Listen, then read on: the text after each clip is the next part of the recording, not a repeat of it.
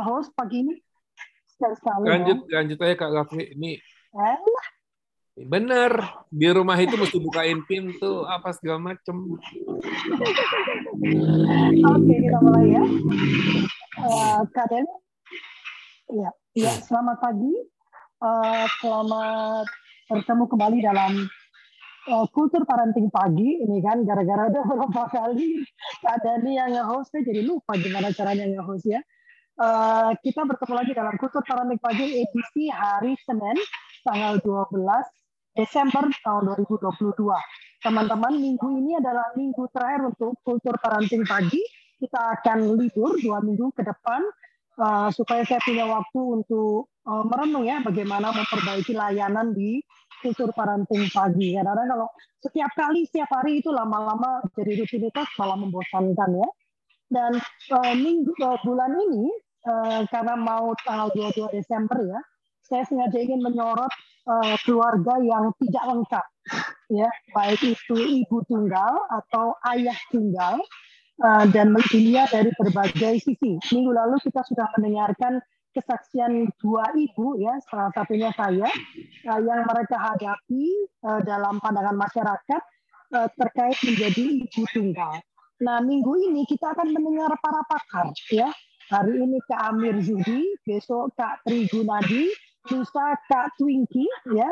Bagaimana kemudian eh, dampaknya? Kalau pagi ini kita ingin melihat dampaknya. Ada dampaknya enggak sih? Kalau keluarga itu enggak utuh gitu Kak Amir ya. Kalau eh, apa pendekatannya itu enggak utuh gitu. Cuman ibu doang atau ayah doang ada enggak dampaknya pada pertumbuhan otak anak?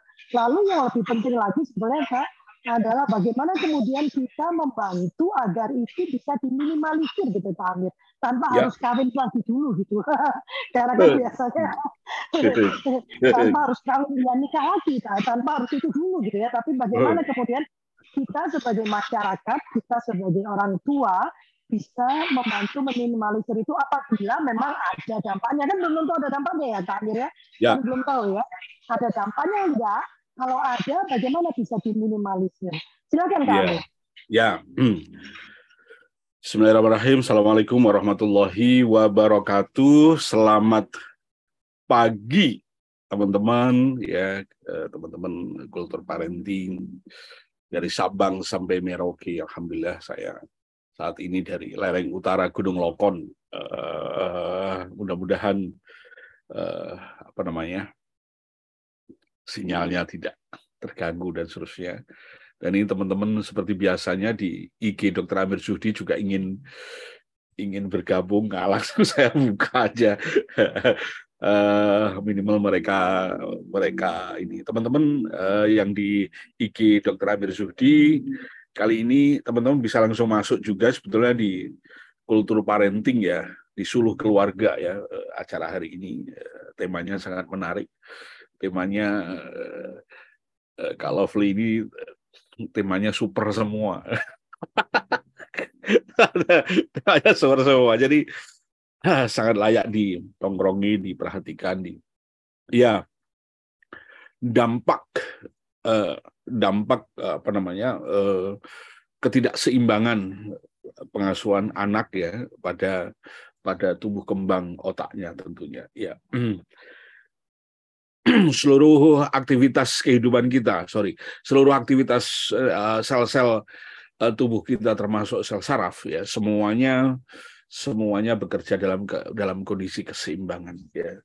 Semuanya berkeseimbangan. Tidak ada satupun yang tidak seimbang. Bila tidak seimbang ya maka muncullah hal-hal yang ya salah satunya sakit mah. Nah, itu itu itu itu apa namanya eh ketidakseimbangan eh, yang terjadi di di apa namanya di lambung salah satunya. Ya gitu ya nah ini eh, apa namanya eh, ini ketidakseimbangan dalam satu proses pengasuhan ya.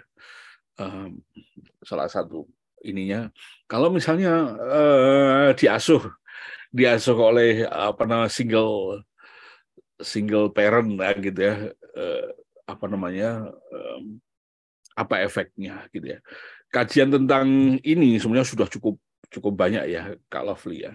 Uh, apa namanya bagaimana peran ayah, bagaimana peran uh, bunda dan seterusnya ya.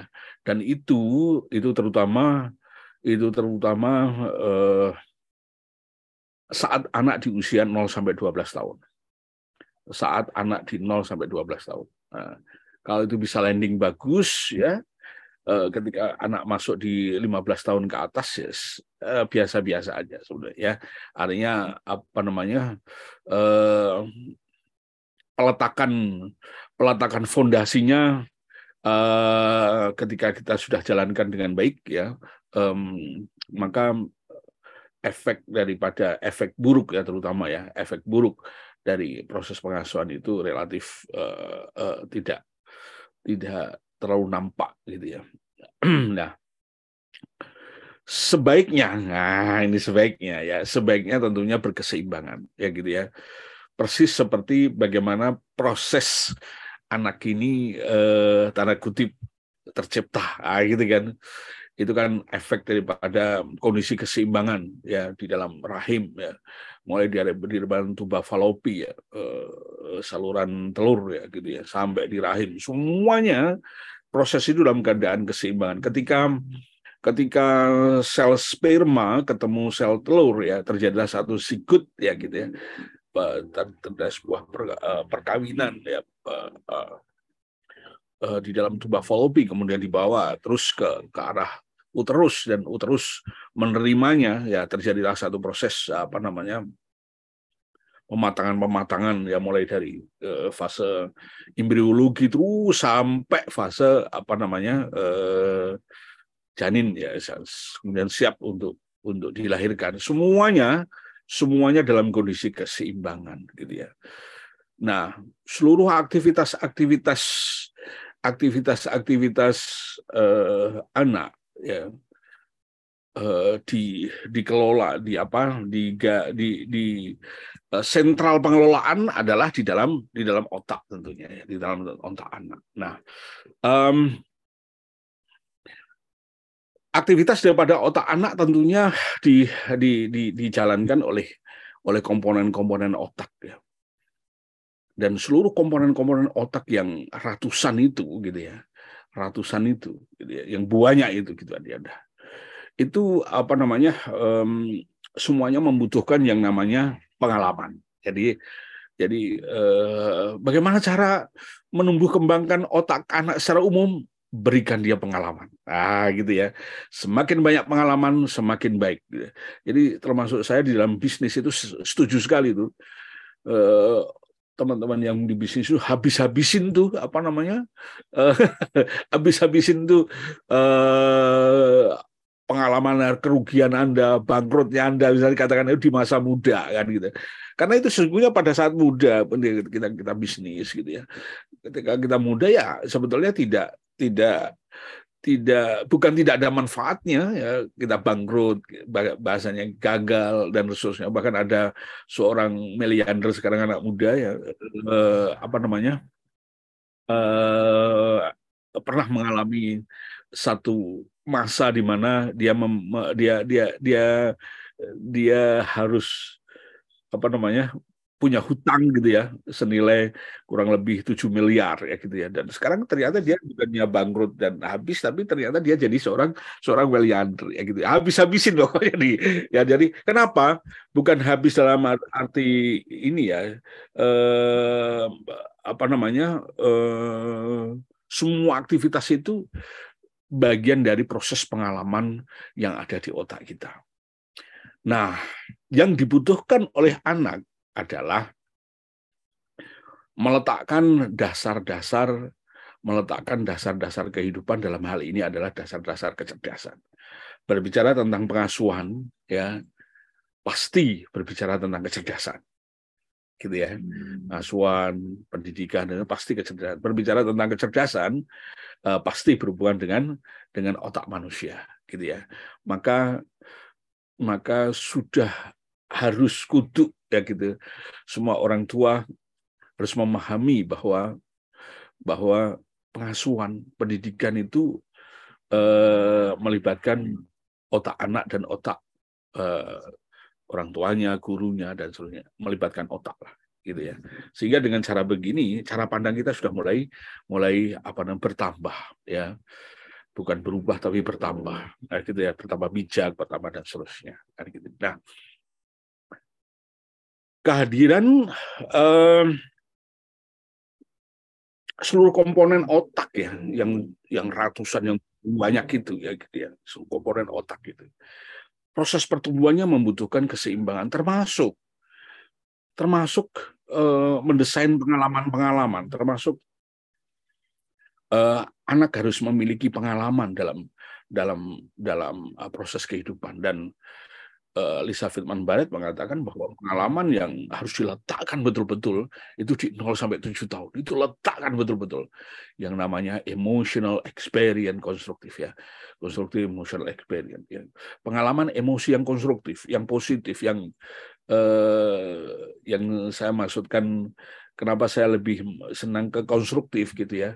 Eh, konstruktif itu pemaknanya membangun gitu, growth gitu ya, growth bukan fix, bukan threat tapi opportunity dan seterusnya gitu. Ini ini ini harus kita letakkan dengan dengan benar gitu ya. Nah, pengalaman pengalaman anak ini penting sekali ya pada fase-fase kehidupan pertama ya pada anak ya masa-masa kehidupan pertama mulai dari seribu seribu kehidupan pertama ya tiga tahun ya terus kemudian ya lima tahun enam tahun dan seterusnya dan sampai terakhirnya ketika usia 21 eh, tahun atau uh, atau paling cepat 18 tahun atau uh, 24 25 tahun ya proses otak selesai mengalami pertumbuhan kurang melakukan satu proses apa namanya uh, perkembangan.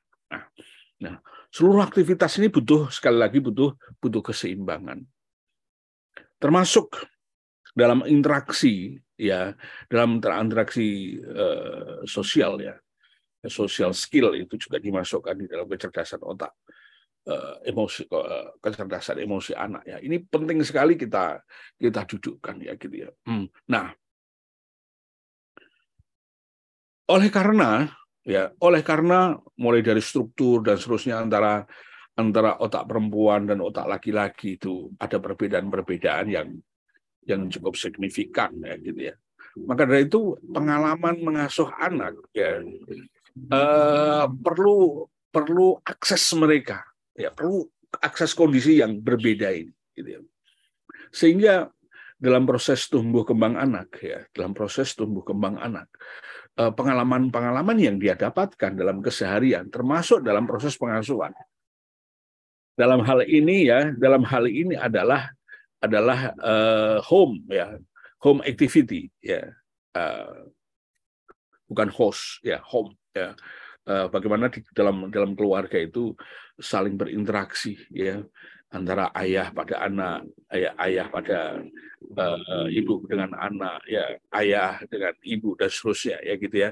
Teman-teman kalau melihat konsep The Amir Golden Home ya teman-teman ya ada segitiga itu ya The Amir Golden Home itu ya uh, itu itu itu saya ambil dari uh, apa namanya terus terang saya saya banyak mengambil dari filosofinya kehidupan Nabiullah Ibrahim alaihissalam itu membangun uh, di mana setelah di, di mana the, the Amir Golden Home itu berupa segitiga bawahnya harus bawahnya ada ada nilai-nilai yang teman-teman harus pandu ya tentang nilai-nilai uh, apa nah nurani ya gitu ya.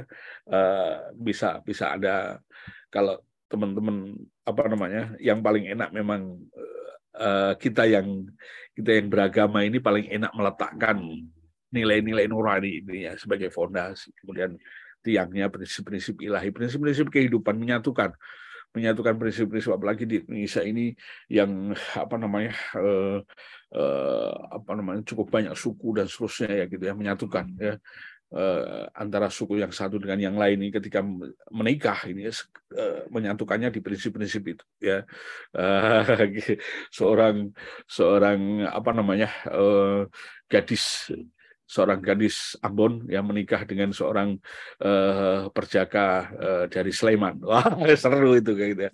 Ya awalnya dikira wah caranya komunikasi istrinya itu kok kok ngegas terus, oh, kok marah terus ini gimana ya?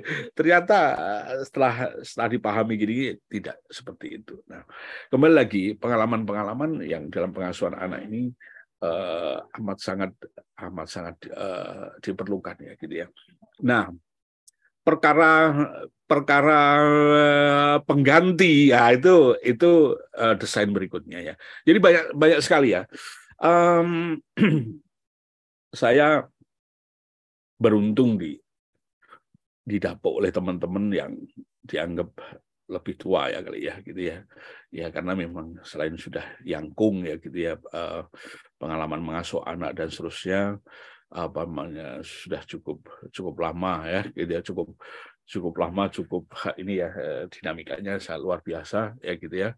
Uh, termasuk kita mengantarkan putra putri kita Uh, kalau dalam keluarga saya uh, pendidikan adalah satu investasi yang amat sangat amat sangat apa namanya penting sekali amat sangat saya letakkan di posisi tertinggi gitu ya pendidikan itu.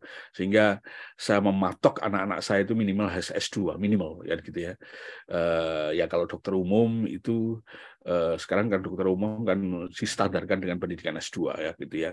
Hampir sama dengan psikologi klinik itu juga juga juga ketika seorang psikolog kemudian ngambil profesinya itu dia juga standarkan S2 dan jadi eh, ketika anak saya kemudian dapat bonus harus uh, di, diberikan kesempatan untuk bisa uh, studi apa namanya pendidikan dokter spesialis ya itu saya anggap bonus gitu ya gitu. Ya. Cuma semuanya ini perlu perlu apa namanya perlu uh, kontribusi kita untuk mengantarkan gitu ya Eh, banyak dinamika kehidupan uh, yang yang kita bisa dapatkan dari kehadiran kita, dari ke kehadiran sang ayah, dari kehadiran sang ibu.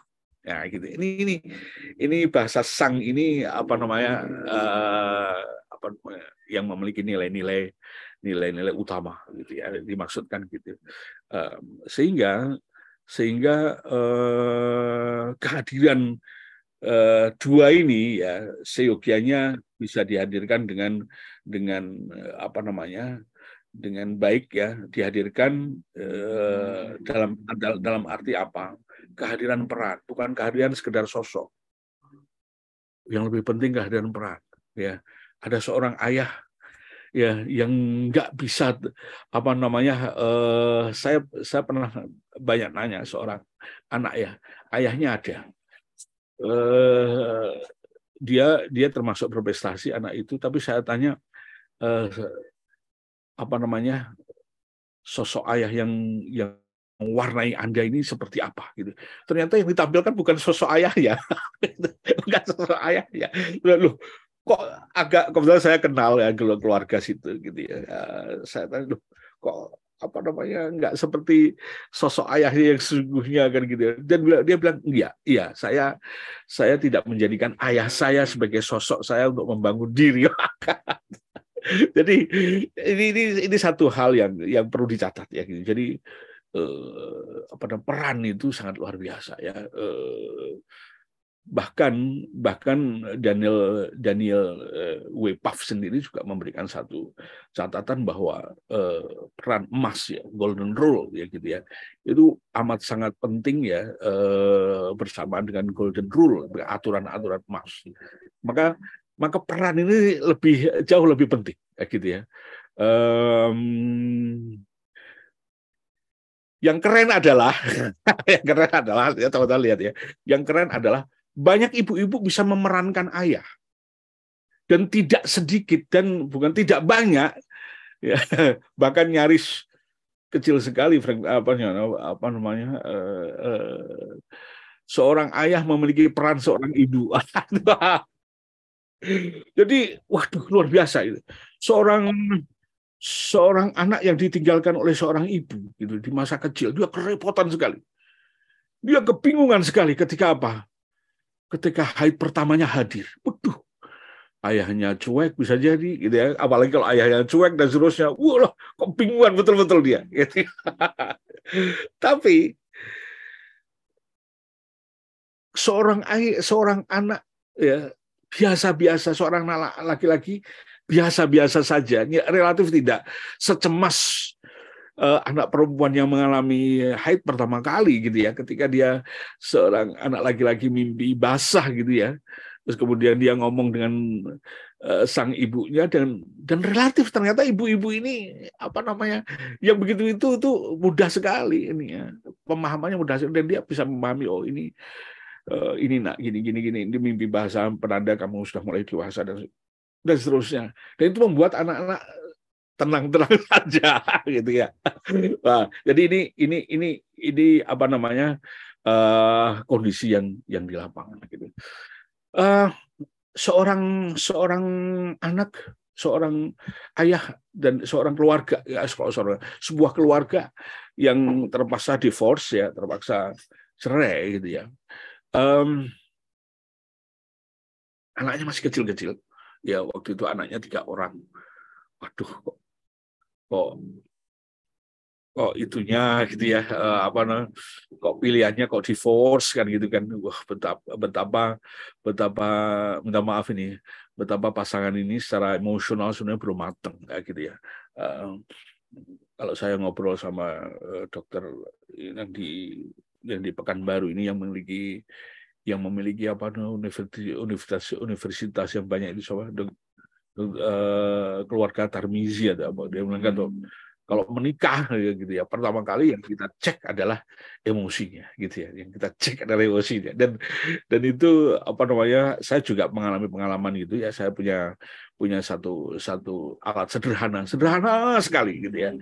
Yang kita beri nama tentang brain development thinking style ya gitu. Untuk mengecek untuk mengecek apa gaya berpikirnya gitu ya. Rata-rata yang cenderung yang cenderung yang cenderung divorce itu rata-rata eh, pola berpikirnya berbeda. Ya, pola berpikirnya berbeda, terus kecenderungan eh, atau keseimbangan berpikir berpikir emosi dan berpikir rasio itu relatif jomplang gitu, ya. relatif ini di apa namanya jomplang ke ke emosional sehingga dia nggak seharusnya balance ya gitu ya. Nah, nah uh, sebetulnya sebetulnya tidak masalah ya. Pola berpikir yang berbeda itu nggak masalah. Justru itu bagus kalau di dalam sebuah sebuah apa namanya sebuah keluarga ya gitu ya. Yang satu misalnya gini ada yang satu lomo sekali mudah kasihan gitu ya gitu ya. Misalnya suaminya mudah kasihan istrinya juga mudah kasihan sudah. Kalau sudah begitu jaminan tuh keluarga itu mudah ditipu udah gitu tapi kalau tapi kalau misalnya apa namanya eh, apa namanya suaminya suaminya apa namanya eh, eh, cenderung hati-hati sekali ya. Istrinya mungkin bahasa Jawanya lomo mudah dibujuk dan seterusnya. Dan ini kalau dipadukan apa kecenderungannya pola berpikirnya berlawanan. Gitu. pola berpikirnya berlawanan. Uh, tapi kalau disinergikan uh cakep banget ini. Ini jadi sebuah tim yang yang asik sekali. Nah ini maka butuh butuh satu uh, satu apa namanya satu tools ya. Begitu menikah pastikan ya pastikan kita memahami pasangan kita. Ya sebelum masuk kan kita memahami pasangan kita. Pahami bukan uh, aku mengalah, bukan. Ya, kalau mengalah paling empat tahun lima tahun. Ya paling itu pun udah udah top itu ya, gitu ya. Saya menikah sudah berapa? Udah tiga puluhan tahun ya.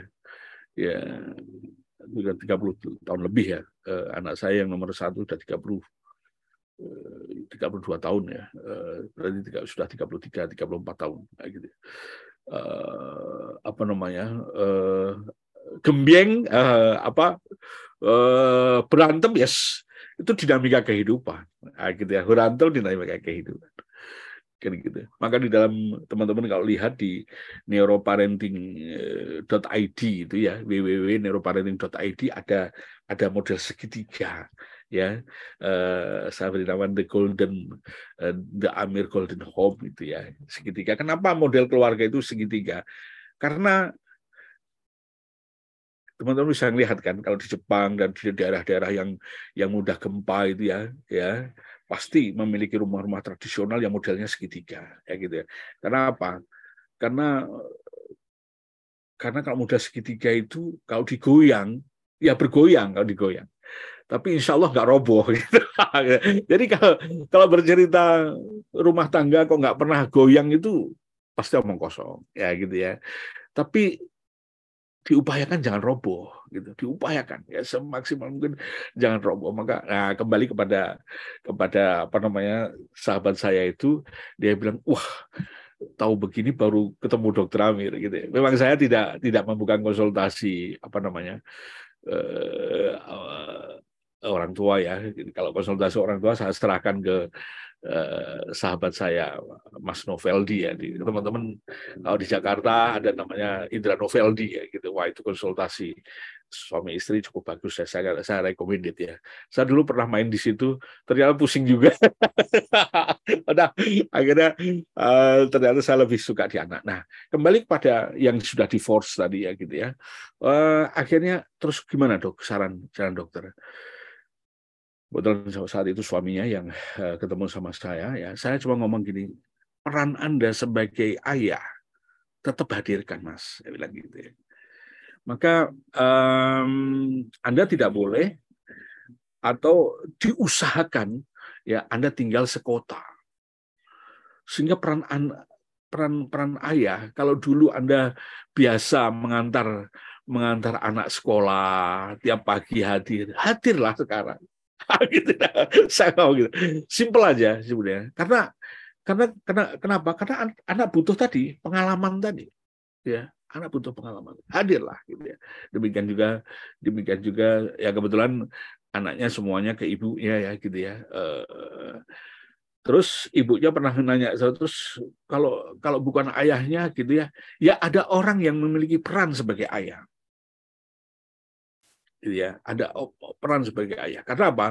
Karena pengalaman itu membuat membuat eh, apa namanya pengalaman pengalaman kehidupan itu ya cara otak belajar itu seperti itu ya. Cara otak belajar itu seperti itu. Nah ini penting sekali. Saya buka slide-nya ya teman-teman ya. Uh,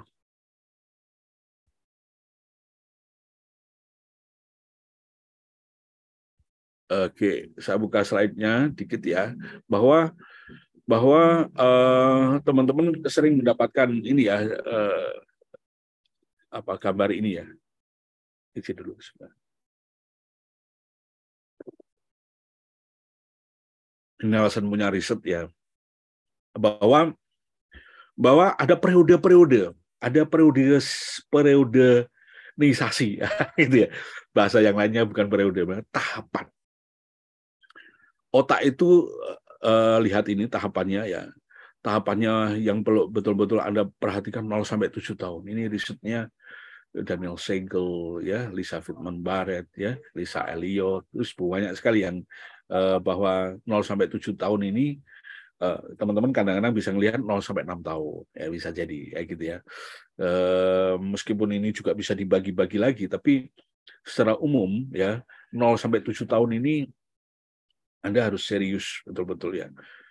Yang jadi pertanyaan, kalau anakku sekitar 0 sampai 7 tahun ini ya, pengasuhan apa yang harus aku berikan? Ini penting, penting sekali.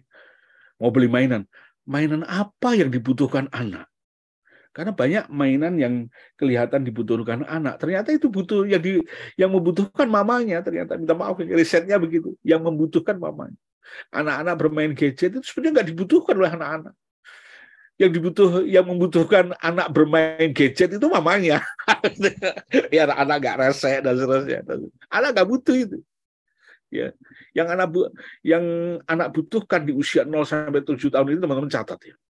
0 sampai 7 tahun itu peletakan peletakan apa namanya? Peletakan kecerdasan anak ya. Kalau di dalam neuroscience itu eh, kita bahas ya uh, uh, uh, apa namanya uh, mothernya uh, kecerdasan istilahnya gitu ya. Itu ada kecerdasan gerak ada atau kecerdasan kinestetik atau kecerdasan kendali gerak ya gitu ya. Ada kecerdasan emosi kecerdasan gerak biasanya di referensi ditulis dengan eh, kecerdasan motorik ya gitu ya kecerdasan emosi, kecerdasan rasio, kecerdasan sosial, kecerdasan spiritual, ya. yang lain-lain silakan dikembangkan sendiri ya. Nah, di di 0 sampai 7 tahun itu dua kecerdasan itu harus Anda landingkan. Kecerdasan apa? Kecerdasan kecerdasan gerak ya, kecerdasan motorik dan kecerdasan emosi. Anda harus landingkan. Kenapa harus dilandingkan? Karena sarana lihat, karena kom sarana-sarana fasilitas alat-alat untuk membangun kecerdasan anak itu, terutama dua kecerdasan anak itu, dia sudah, sudah apa namanya, sudah landing gitu ya, sudah ada di situ. Ya.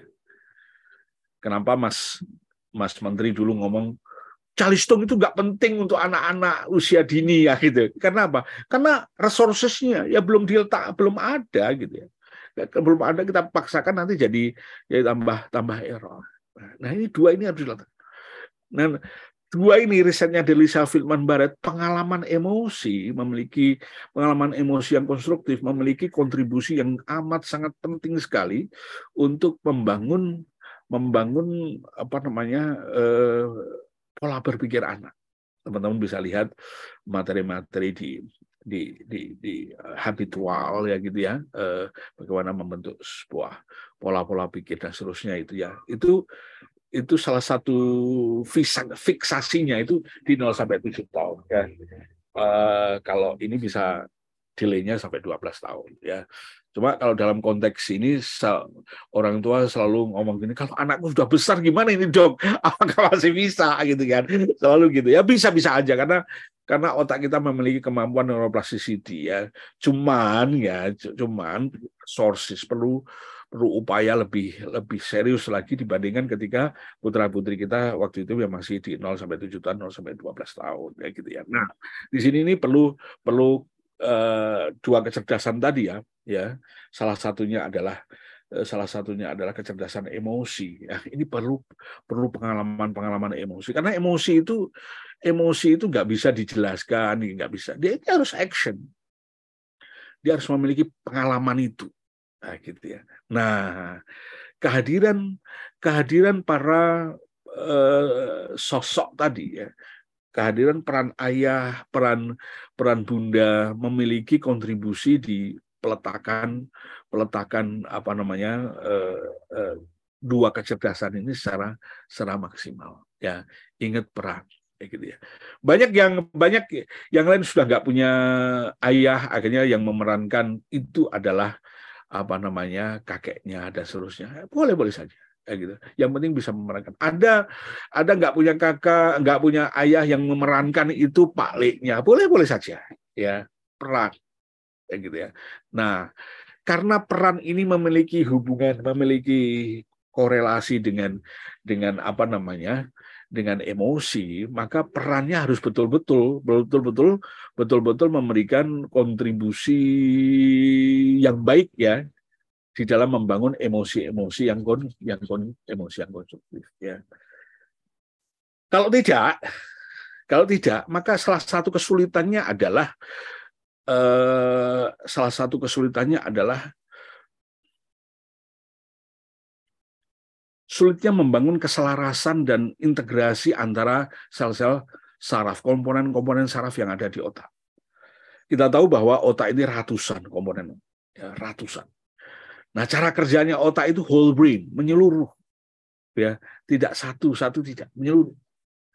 Ya, laksana bangunan gitu ya tatanan bot, tatanan batu bata itu harus rapi, harus berinteraksi satu yang lain, ya. Begitu satu tatanan satu error, maka yang lain pun merasakan errornya itu. Itu itu itu karakter karakter neuron kita seperti itu. Nah, um, efek daripada peran-peran itu memiliki kontribusi di dalam tadi. Uh, pembangunan kemampuan kemampuan saling berintegrasi ya kemampuan saling berintegrasi antara neuron satu apa komponen otak satu dengan yang lainnya sehingga akan membangun keselarasan ya efek dari ini yang paling menonjol itu ada dua yang paling menonjol ada dua. Ini serius ya teman-teman. Ya, yang paling menonjol ada dua. Pertama, anak yang tidak terbimbing secara keseimbangan, ya. Catatannya di sini adalah keseimbangan termasuk peran dari ayah dan bunda, ya, akan berefek kepada pertumbuhan pikiran-pikiran kaku, ya, pertumbuhan pikiran-pikiran kaku yang disebabkan karena ya karena apa namanya eh, pengalaman-pengalaman emosinya tidak tuntas ya pengalaman. Jadi eh, kaku itu ya kaku itu kalau orang dewasa tidak bisa berpindah. Kalau pada anak-anak kaku itu ya kaku itu apa namanya eh, emosinya ya emosinya cenderung sulit dikendalikan. Ya. Anak itu cara berpikirnya menggunakan dominannya menggunakan subkortikal ya. Ada yang mengatakan menggunakan batang otak ada yang menggunakan sistem limbik. Dua-dua itu ada di subkortikal saya lebih lebih suka menggunakan subkortikal ya. Gitu ya. Kalau subkortikal memang cenderung emosional. Cara merespon segala sesuatu emosional. Maka bila Anda mempunyai putra-putri yang masih kecil, terus cara meresponnya, anak itu meresponnya lingkungannya dengan emosi terus, kan gitu, berarti ada sesuatu yang tidak seimbang. Cara merespon dengan emosi itu apa? Bangun tidur, nangis. Minta minum, nangis. Minta makan, nangis. Apalagi? semuanya semuanya dengan menggunakan nangis ya gitu ya nah kalau ini responnya masih satu tahun oke okay, oke okay aja. Satu setengah tahun masih oke. Okay. begitu masuk dua tahun kok masih begitu? Awas ya. Anda perlu menata kembali uh, apa namanya eh, cara-cara mengasuh mengasuh anak. Di antaranya adalah uh, menyeimbangkan uh, apa namanya peran-peran uh, itu. Gitu ya. Eh, termasuk peran orang tua termasuk uh, ini mau di mau dikandaskan atau atau ada tanya jawab ini benar ya. Lima menit lagi deh. Oke, kita lanjutkan ya tadi ya. Uh, bahwa ini tadi ya. Efek yang seharusnya seharusnya uh, apa nama dimiliki oleh anak adalah mampu melakukan integrasi, mampu melakukan keselarasan, ya cucu saya itu dibimbing, dibimbing oleh grandmanya ya, oleh yang tinya itu. Kalau nangis, dia bilang dia bisa mengelola gitu ya. Kalau dia nangis ini uh, jangan menangis gitu ya. Harus tertawa. Hehehe silang itu menangis ya jadi itu itu persis dengan kita ya gitu ya. Kalau teman-teman teman-teman misalnya mengalami sebuah tekanan-tekanan kehidupan gitu ya ah, Anda akan mengatakan Insya Allah mudah-mudahan ya semoga ya semoga apa segera segera apa namanya eh, segera hadir penyelesaiannya ya. Mendapatkan kesulitan kalau saya kan gitu ya Insya Allah segera kita temukan kemudahannya. Ah, gitu ya. Jadi eh, apa namanya anak-anak yang sudah mulai bisa meng, mengintegrasi pikirannya dia bisa mengcombine ya dia bisa me, me, apa namanya bukan mengcombine me, memberi tanda kutip memberikan obat di situ. Ya. Nah cara cara yang paling baik ya cara yang paling tepat ini caranya Lisa Filman Barrett ya adalah anda meletakkan pengalaman-pengalaman emosi pada putra-putri Anda itu di 0 sampai 7 tahun itu dengan pengalaman emosi yang bahagia. Oke ya. Itu itu yang itu yang menyebabkan saya saya pun me, me, merekomendasi apa namanya dok dokter bilang kalau suami istri nggak boleh gembyeng nggak boleh gini gini oh gimana ada anak-anak gini apalagi kalau kalau kami masih masih ngontrak ngontraknya satu rumah ya gitu ya kalau apa namanya berantem sama suami istri pasti pasti keluar apa suara dan seterusnya gitu ya uh, yang ditangkap anak adalah suara-suara, suara yang menggelegar, suara yang menakutkan. Nah, ini yang harus di yang harus dihindari. Ya gitu ya. Uh, apa namanya? Uh, ketika ketika teman-teman lagi ini sama anak ya, uh, apa namanya sama pasangan ya gitu ya, biar tidak mengganggu pengasuhan pengasuhan anak cukup ya cukup mungkin apa namanya uh, ya tadi uh, apa namanya kalau kalau kuncinya akan saling memahami ya. Kalau misalnya pasangannya marah kita bisa oh kita akan memahami oh dia lagi marah oh dia lagi tersinggung oh dia lagi ya uh, ketika sudah memahami maka pasti ada yang pasti ada yang apa namanya yang menurunkan gasnya kan. Ya, dua-dua tidak tidak ngegas gitu ya. Sehingga uh, potensi untuk berantem dengan teriak-teriak dan seterusnya ya gitu ya. Terus yang membuat sedemikian rupa sehingga anak apa namanya? anak uh, ketakutan dan seterusnya itu akan akan jadi akan bisa kita uh, eliminir ya gitu ya. Uh, kembali kepada pada pengasuhan yang seimbang ya. Targetnya adalah Eh, anak-anak memiliki kemampuan berpikir integrasi. Ya. Berpikir integrasi tadi ya salah satunya adalah tadi merespon merespon emosi. Ya. Merespon emosi eh, apa namanya? Eh, sehingga sehingga akan lebih mudah ya banyak sekali ya banyak sekali banyak sekali uh, apa nama manfaat pengasuhan bila anak-anak Eh, sudah memiliki kemampuan integrasi dan selaras ya dalam pikiran atau selaras dan integrasi gitu ya. Contoh misalnya ya, contoh misalnya ya seorang anak maunya makan di dalam kamar gitu ya. Seorang anak anak usia mungkin sekitar dua tahun mau makan di dalam kamar gitu ya. Orang tuanya maunya dia makan di luar kamar. Mungkin karena dulu tempat kontrakannya ya kos-kosannya ya gitu hanya satu kamar jadi bisa jadi masak di kamar, makan di kamar, gitu kan. Nah, bisa jadi, karena itu akhirnya jadi sebuah kebiasaan. Terus kemudian uh, karena sudah ekonominya sudah bagus, ya gitu, akhirnya mengontrak rumah, kan gitu kan. Ya kalau sudah rumah kan ada ada sudah sudah punya ruang makan sendiri. Ketika diajak di ruang makan nggak nggak mau ya. Maka yang kita lakukan adalah bagaimana bagaimana membangun emosi ya membangun kenikmatan ya senangnya kalau makan di luar di luar apa namanya kamar. Atau kalau makan di meja makan gitu. Harus di, harus dibangun. Nah, dengan dengan apa namanya uh, uh, uh, pengasuhan yang seimbang ini maka keselarasan uh, pikiran anak selaras akan semakin semakin baik ya gitu ya.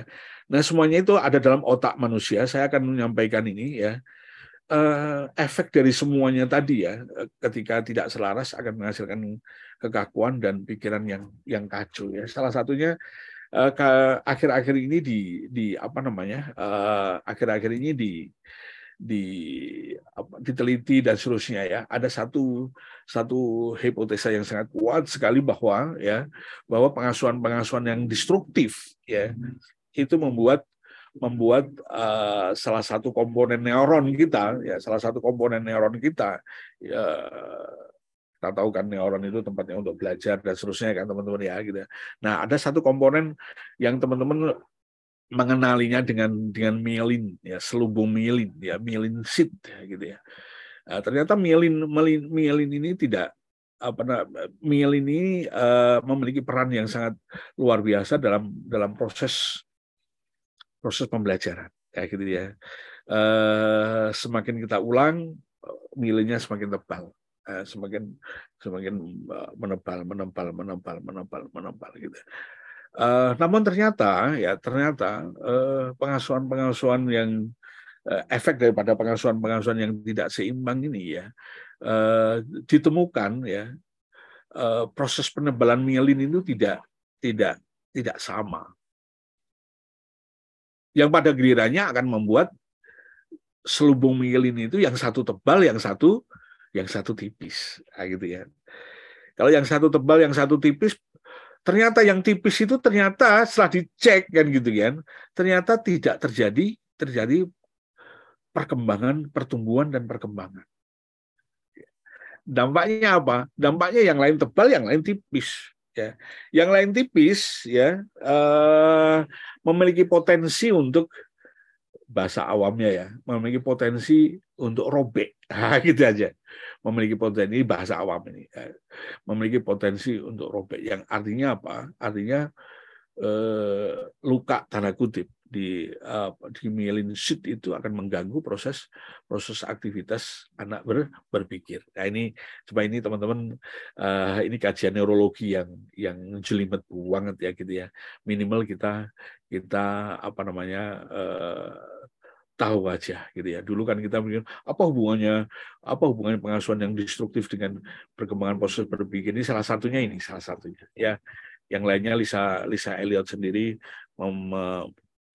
melaporkan risetnya ya ada pelepasan sambungan-sambungan neuron dan lain sebagainya ya gitu ya teman-teman. Ya ini salah satu satu efek pengasuhan yang yang uh, apa namanya tidak ber, berkeseimbangan yang paling penting adalah yang paling penting adalah uh, bagaimana eh, kehadiran kita bagaimana peran peran kita ya sebagai seorang sebagai orang tua ya eh, baik baik baik perempuan maupun maupun laki-laki ya gitu ya sedemikian rupa sehingga peran itu bisa bisa menjadi eh, bagian pembangunan pengalaman eh, anak sedemikian rupa sehingga bisa men, bisa tidak mengganggu proses tumbuh kembang otak anak. Oke ya, kita lanjutkan ditanya jawab. Terima kasih. Selamat pagi, Assalamualaikum warahmatullahi wabarakatuh. Wow, daging. Jadi uh, saya malah melihatnya berarti memang uh, bagaimanapun itu di usia 0 sampai 7 tahun uh, saya tuh aku tuh masih bingung kan uh, dengan pengalaman hmm. emosi itu maksudnya apa ya ataukah selama usia itu anak mengenali emosi macam-macam atau di ya. usia ya. 0 sampai 7 itu yang mereka tertanam adalah emosi positif. Yang mana sih sebenarnya pengalaman emosi? Ya, ya. Uh, maka saya menggunakan em constructive emotion ya. Emosi bukan hmm. saya ini biasanya kalau teman-teman buka Daniel Siegel apa dia lebih cenderung ke emotional konstruktif. Uh, bahkan di Daniel Amin sendiri ya. Daniel Amin, Daniel Amin itu salah satu ilmuwan dunia ya yang dan kita hmm. sudah kita kalau kajian-kajian tentang tentang otak ya eh, selalu menghadirkan Daniel Amin kayak gitu ya. Eh, jadi apa tadi eh, pertanyaannya eh, 0 sampai 7 tahun ya. 0 sampai 7 tahun itu dalam dalam apa namanya? dalam tubuh kembang otak anak ya sudah Uh, saya saya di, di di sekolah neuroparenting di kelas-kelas neuroparenting saya membimbing teman-teman melalui satu sembilan otak asuh namanya. Sembilan otak asuh ya. Uh, sebenarnya untuk pengasuhan sih bukan hanya sembilan ya banyak. Tapi dari sembilan otak asuh ini teman-teman mengenali terus kemudian teman-teman akan mengembangkan sampai ratusan otak gitu. Nah di sembilan otak asuh itu sudah hampir sembilan sembilannya sudah mhm sudah tumbuh dan berkembang di usia 0 sampai 7 tahun ya. Terus dia akan nanti sampai usia 12 tahun ya otak subkortikal otak dalam itu sudah selesai apa namanya tumbuhnya gitu ya. Kurang sisa otak kortikal. Sampai usia 18 tahun atau 21 tahun atau delinya nanti sampai 24 24 kalau itu itu kalau teman-teman lihat di human brain development ya. Juga ada di terangkan di chapter berapa ya? Chapter 4 atau 5 ya masalah ya di The Fundamental of Neuroscience ya teman-teman bisa bisa baca di situ gitu ya. Nah, uh, di 0 sampai 7 tahun itu sangat sangat sangat penting sekali dua hal tadi ya. Uh, kecerdasan kecerdasan apa? Kecerdasan gerak dan kecerdasan emosi ya. Dua-dua hmm. ini, dua-dua ini apa namanya? Uh, dalam implementasinya tidak bisa dipisahkan. Tidak bisa gini, wis aku tak emosi tak es uh, aktivitas nggak perlu, anak-anak di dalam kamar aja diem aja duduk manis tidur tiduran di atas kasur dan seterusnya. Tidak ya. Anak harus uh, ini dua-dua ini saling berpengaruh ya gitu ya. Saling berpengaruh uh, ini terutama risetnya dari dari si Yosef Ledu. Ya, teman-teman baca bukunya Yosef Ledu. Oh. Uh, ya dua-dua ini padu ya, terutama nanti ketika dia masuk di satu satu satu sirkuit ya yang melibatkan amigdala, striatum sama si apa namanya kortikal ya. Dia akan akan menjadi satu kesatuan yang yang utuh antara gerak sama sama emosi. Emosi bisa diatur oleh gerak ya gitu ya gerak bisa diatur oleh emosi. Dua-duanya memiliki kontribusi untuk membangun membangun kecerdasan kecerdasan rasio. Nah, gitu. jadi ini luar biasa ini dua. Nah, um, di 0 sampai 7 tahun ya, di 0 sampai 7 tahun uh, dalam perspektif dalam dari sisi emosi dulu ya. Dari sisi emosi, anak-anak sudah bisa dikenalkan emosi dikenalkan. Okay. Jadi katanya ya harus dikenalkan sebelum dikenalkan terus setelah dikenalkan kan dikelola apa anak-anak bisa mengelola dan seterusnya. Nah, apa sih yang dimaksud oleh Lisa Fitman Barret tentang emosi yang konstruktif pada anak-anak 0 sampai 7 tahun? Apakah anak-anak tidak di, tidak boleh kita berikan tantangan? Apakah anak-anak um, apa namanya tidak boleh stres dan seterusnya? Tidak. Ya, tetap kita berikan challenge. Tetap lima hal itu ya terutama terutama di 0 sampai terutama 5 6 7 itu ya rangsangan rasional itu harus kita berikan. Rangsangan rasional itu sifatnya apa sih ya? Sifatnya challenge, sifatnya tantangan. Menemukan hal-hal yang baru ya, menemukan sesuatu yang baru yang kelihatan menantang dan seterusnya.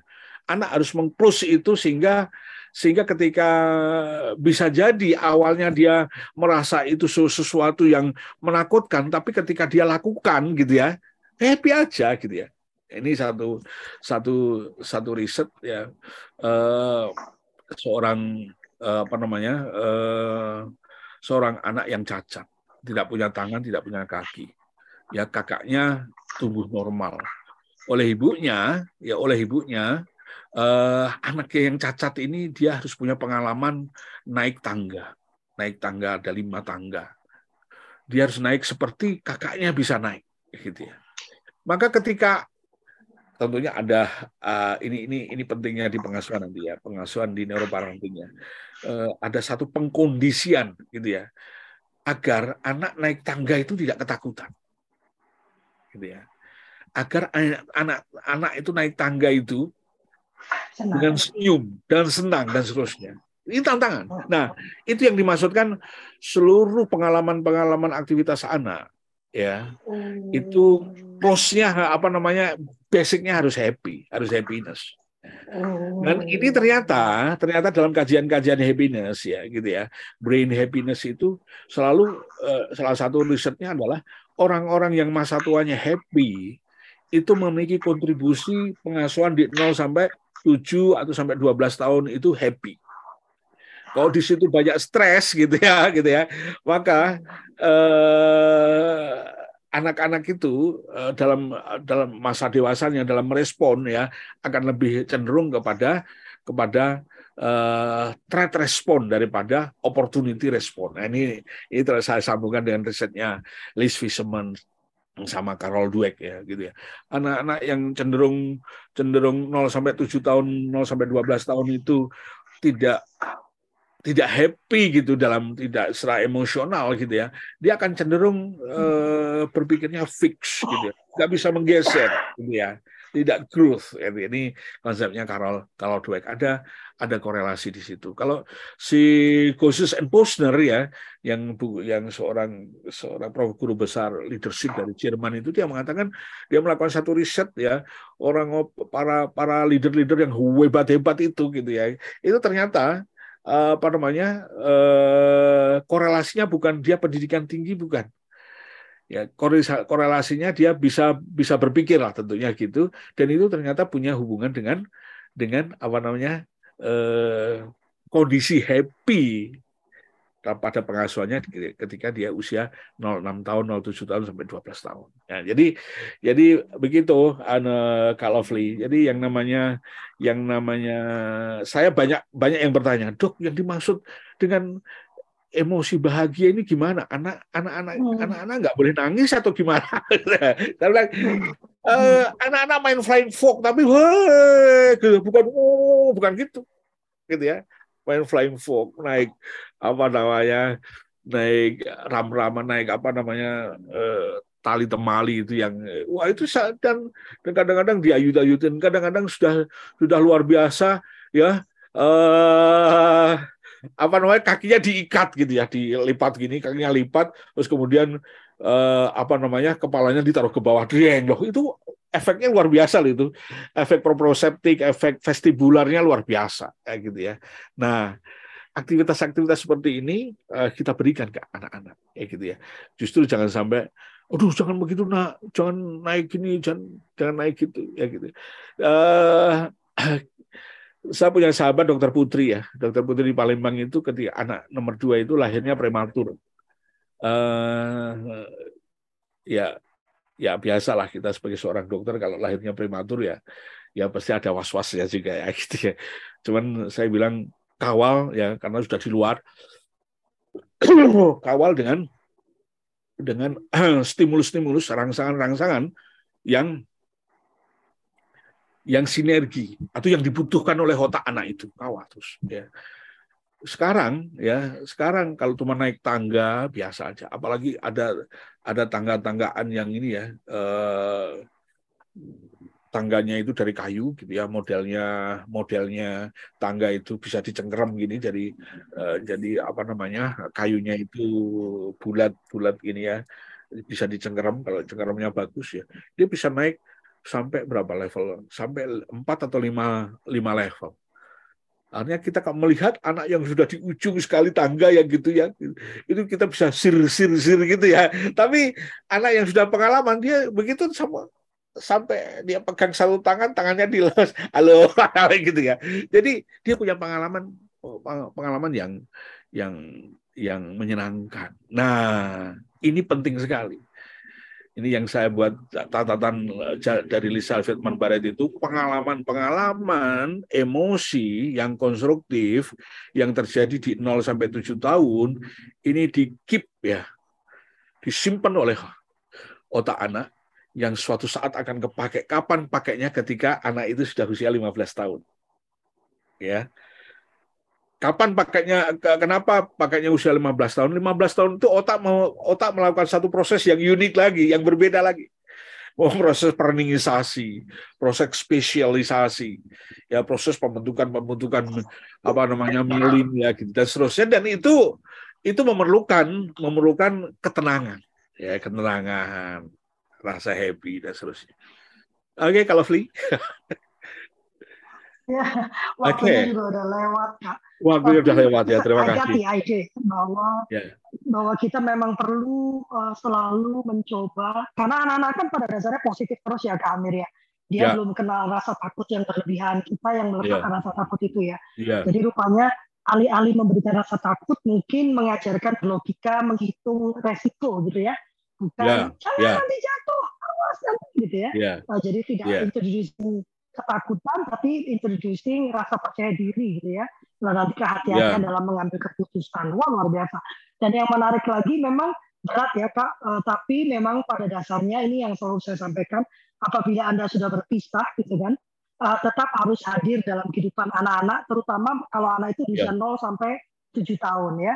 Karena keseimbangan yeah. pengasuhan itu sangat penting gitu ya kak ya. Oh yes, ya, ya ya. Kalau nanti uh, sayangnya tidak semua pasangan seperti itu. Nah mungkin nanti uh, itu diskusi tahun depan ya. Bagaimana oh, saat yeah. Iya. uh, karena ini penting. Ini selalu banyak terjadi. Pasangan itu uh, biasanya bapak ya, tapi saya nggak nutup ibu juga saya pernah dengar ya, yang kemudian yeah. menghilang dari kehidupan anaknya setelah terjadi perpisahan. Nah ini yeah. bagaimana solusinya, solutifnya bagaimana nanti nanti mungkin uh, yeah. perbincangan di tahun depan, karena itu selalu jadi yep. pertanyaan selalu jadi dilema. Seru. Ya, terima kasih. Seru. Silakan memberikan kata penutup sambil kita foto. Iya. silakan kata penutup Kak Amir sambil Ya. kami foto. Hmm. Um, bahwa eh, keluarga ya yang saya eh, eh, yang sering saya mengatakan home itu adalah satu Hmm. satu eh, sarana yang sangat penting sekali untuk untuk eh, membuat putra putri kita menjadi generasi yang yang woke atau atau sebaliknya kan gitu. Nah, salah satu itu ya salah satu untuk membuat woke adalah perlu kehadiran peran dari dua dua sosok manusia yang bernama ayah sama ibu ya peran itu ya. Nah peran ini betul-betul peran bukan hanya hadir fisik ya tapi eh, peran dalam berinteraksi eh, interpersonal berinteraksi secara emosional dan seterusnya. Itu jauh lebih penting ya eh, daripada fisik ya.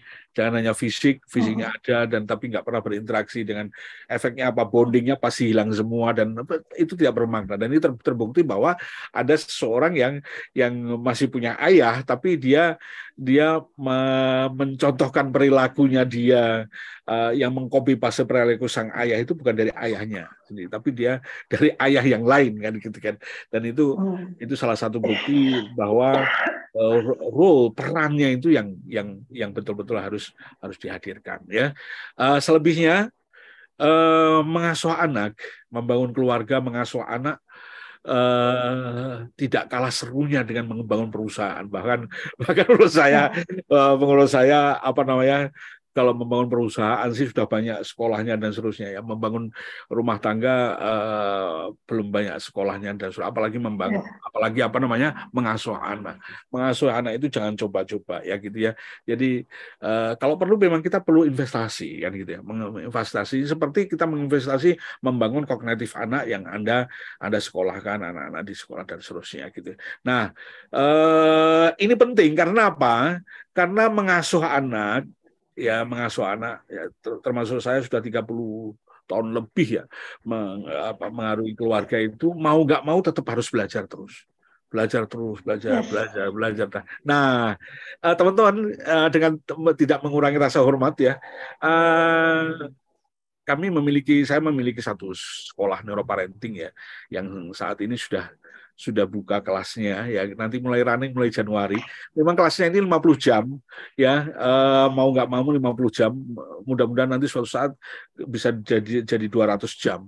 Kita 50 jam ini kita kemas menjadi 12 12 bulan ya teman-teman boleh mendaftar ya boleh teman-teman silakan daftar melalui teman-teman di dari apa nah Suluh dari apa nama kultur parenting ya. Eh, kita mulai start nanti eh, pekan ke pekan ketiga Januari ya.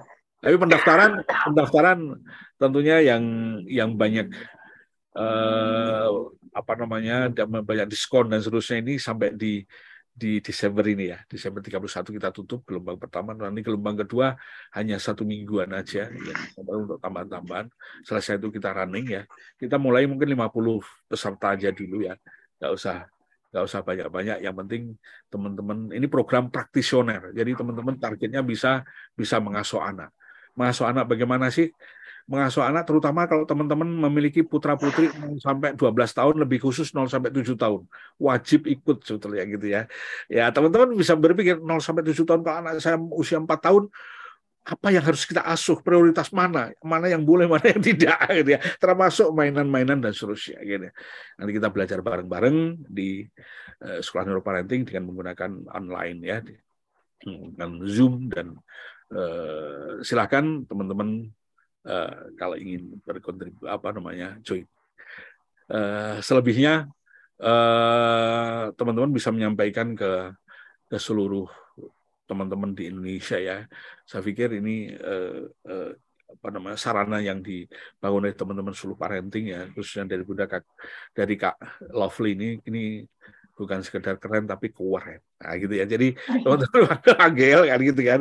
Ya, eh, sehingga sehingga ini juga bisa jadikan sarana belajar. Cuman memang memang teman-teman tentunya teman-teman uh, uh, uh, uh, belajarnya bisa terus menerus terus menerus dan ini juga bisa jadikan uh, bagian dari sarana untuk belajar itu. Terima kasih Bunda Lovely ya. Mohon maaf bila ada salah dan terima kasih. Ya, saya sudah terus sekolah neuroparenting ya sudah ikut. Ayo yang mau ikut silakan mendaftar ya. Uh, kita sama-sama belajar. Anak saya sudah besar tapi saya yakin ilmu itu pasti akan ada manfaatnya ya kalau tidak untuk diri sendiri, pasti untuk orang lain ya. Jangan berpikir, anak saya udah gede kak, eh nanti kalau punya cucu bisa dipakai ya. Atau ada yeah, tetangga bisa yeah. dipakai ya kan. Jadi yeah. ilmu itu tidak pernah uh, sia-sia. Ya, terima kasih banyak Kak Amir sudah bersedia mengisi tahun depan. Jangan ini ya, yeah. jangan kapok ya. Amin, amin, amin. Dukung kami di tahun-tahun mendatang yeah. ya. Terima kasih banyak teman-teman. Uh, kami mengucapkan terima kasih dan mohon maaf apabila tidak ada pernyataan, perkataan, sikap dan yang kurang berkenan. Kami tidak ingin merendahkan, tidak ingin menghina, mojokkan, tidak ingin menghakimi, bahkan bukan ingin menggurui. Kami hanya ingin membagikan apa yang menjadi keyakinan kami dan yang kami coba praktekkan dalam kehidupan kami sehari-hari. Terima kasih. Wassalamualaikum warahmatullahi wabarakatuh. Tuhan berkati. Kak Rini lama sekali gak pernah ketemu Kak Rini tuh. Eh, gak pernah muncul Kak Rini. Yeay. Pak Mutakin mau ke mana itu Pak Mutakin? Eh, makasih Kak Amir. Ya, terima kasih kalau ini ya, oleh-oleh ya. Terima kasih kalau jumpa. Makanya mau ngutakin mau ke mana ini. Yeah. Pertanyaan ya. ditunda ya. sampai tahun depan. Oke. Iya. Ayo. Pamit, pamit. Oke, pamit.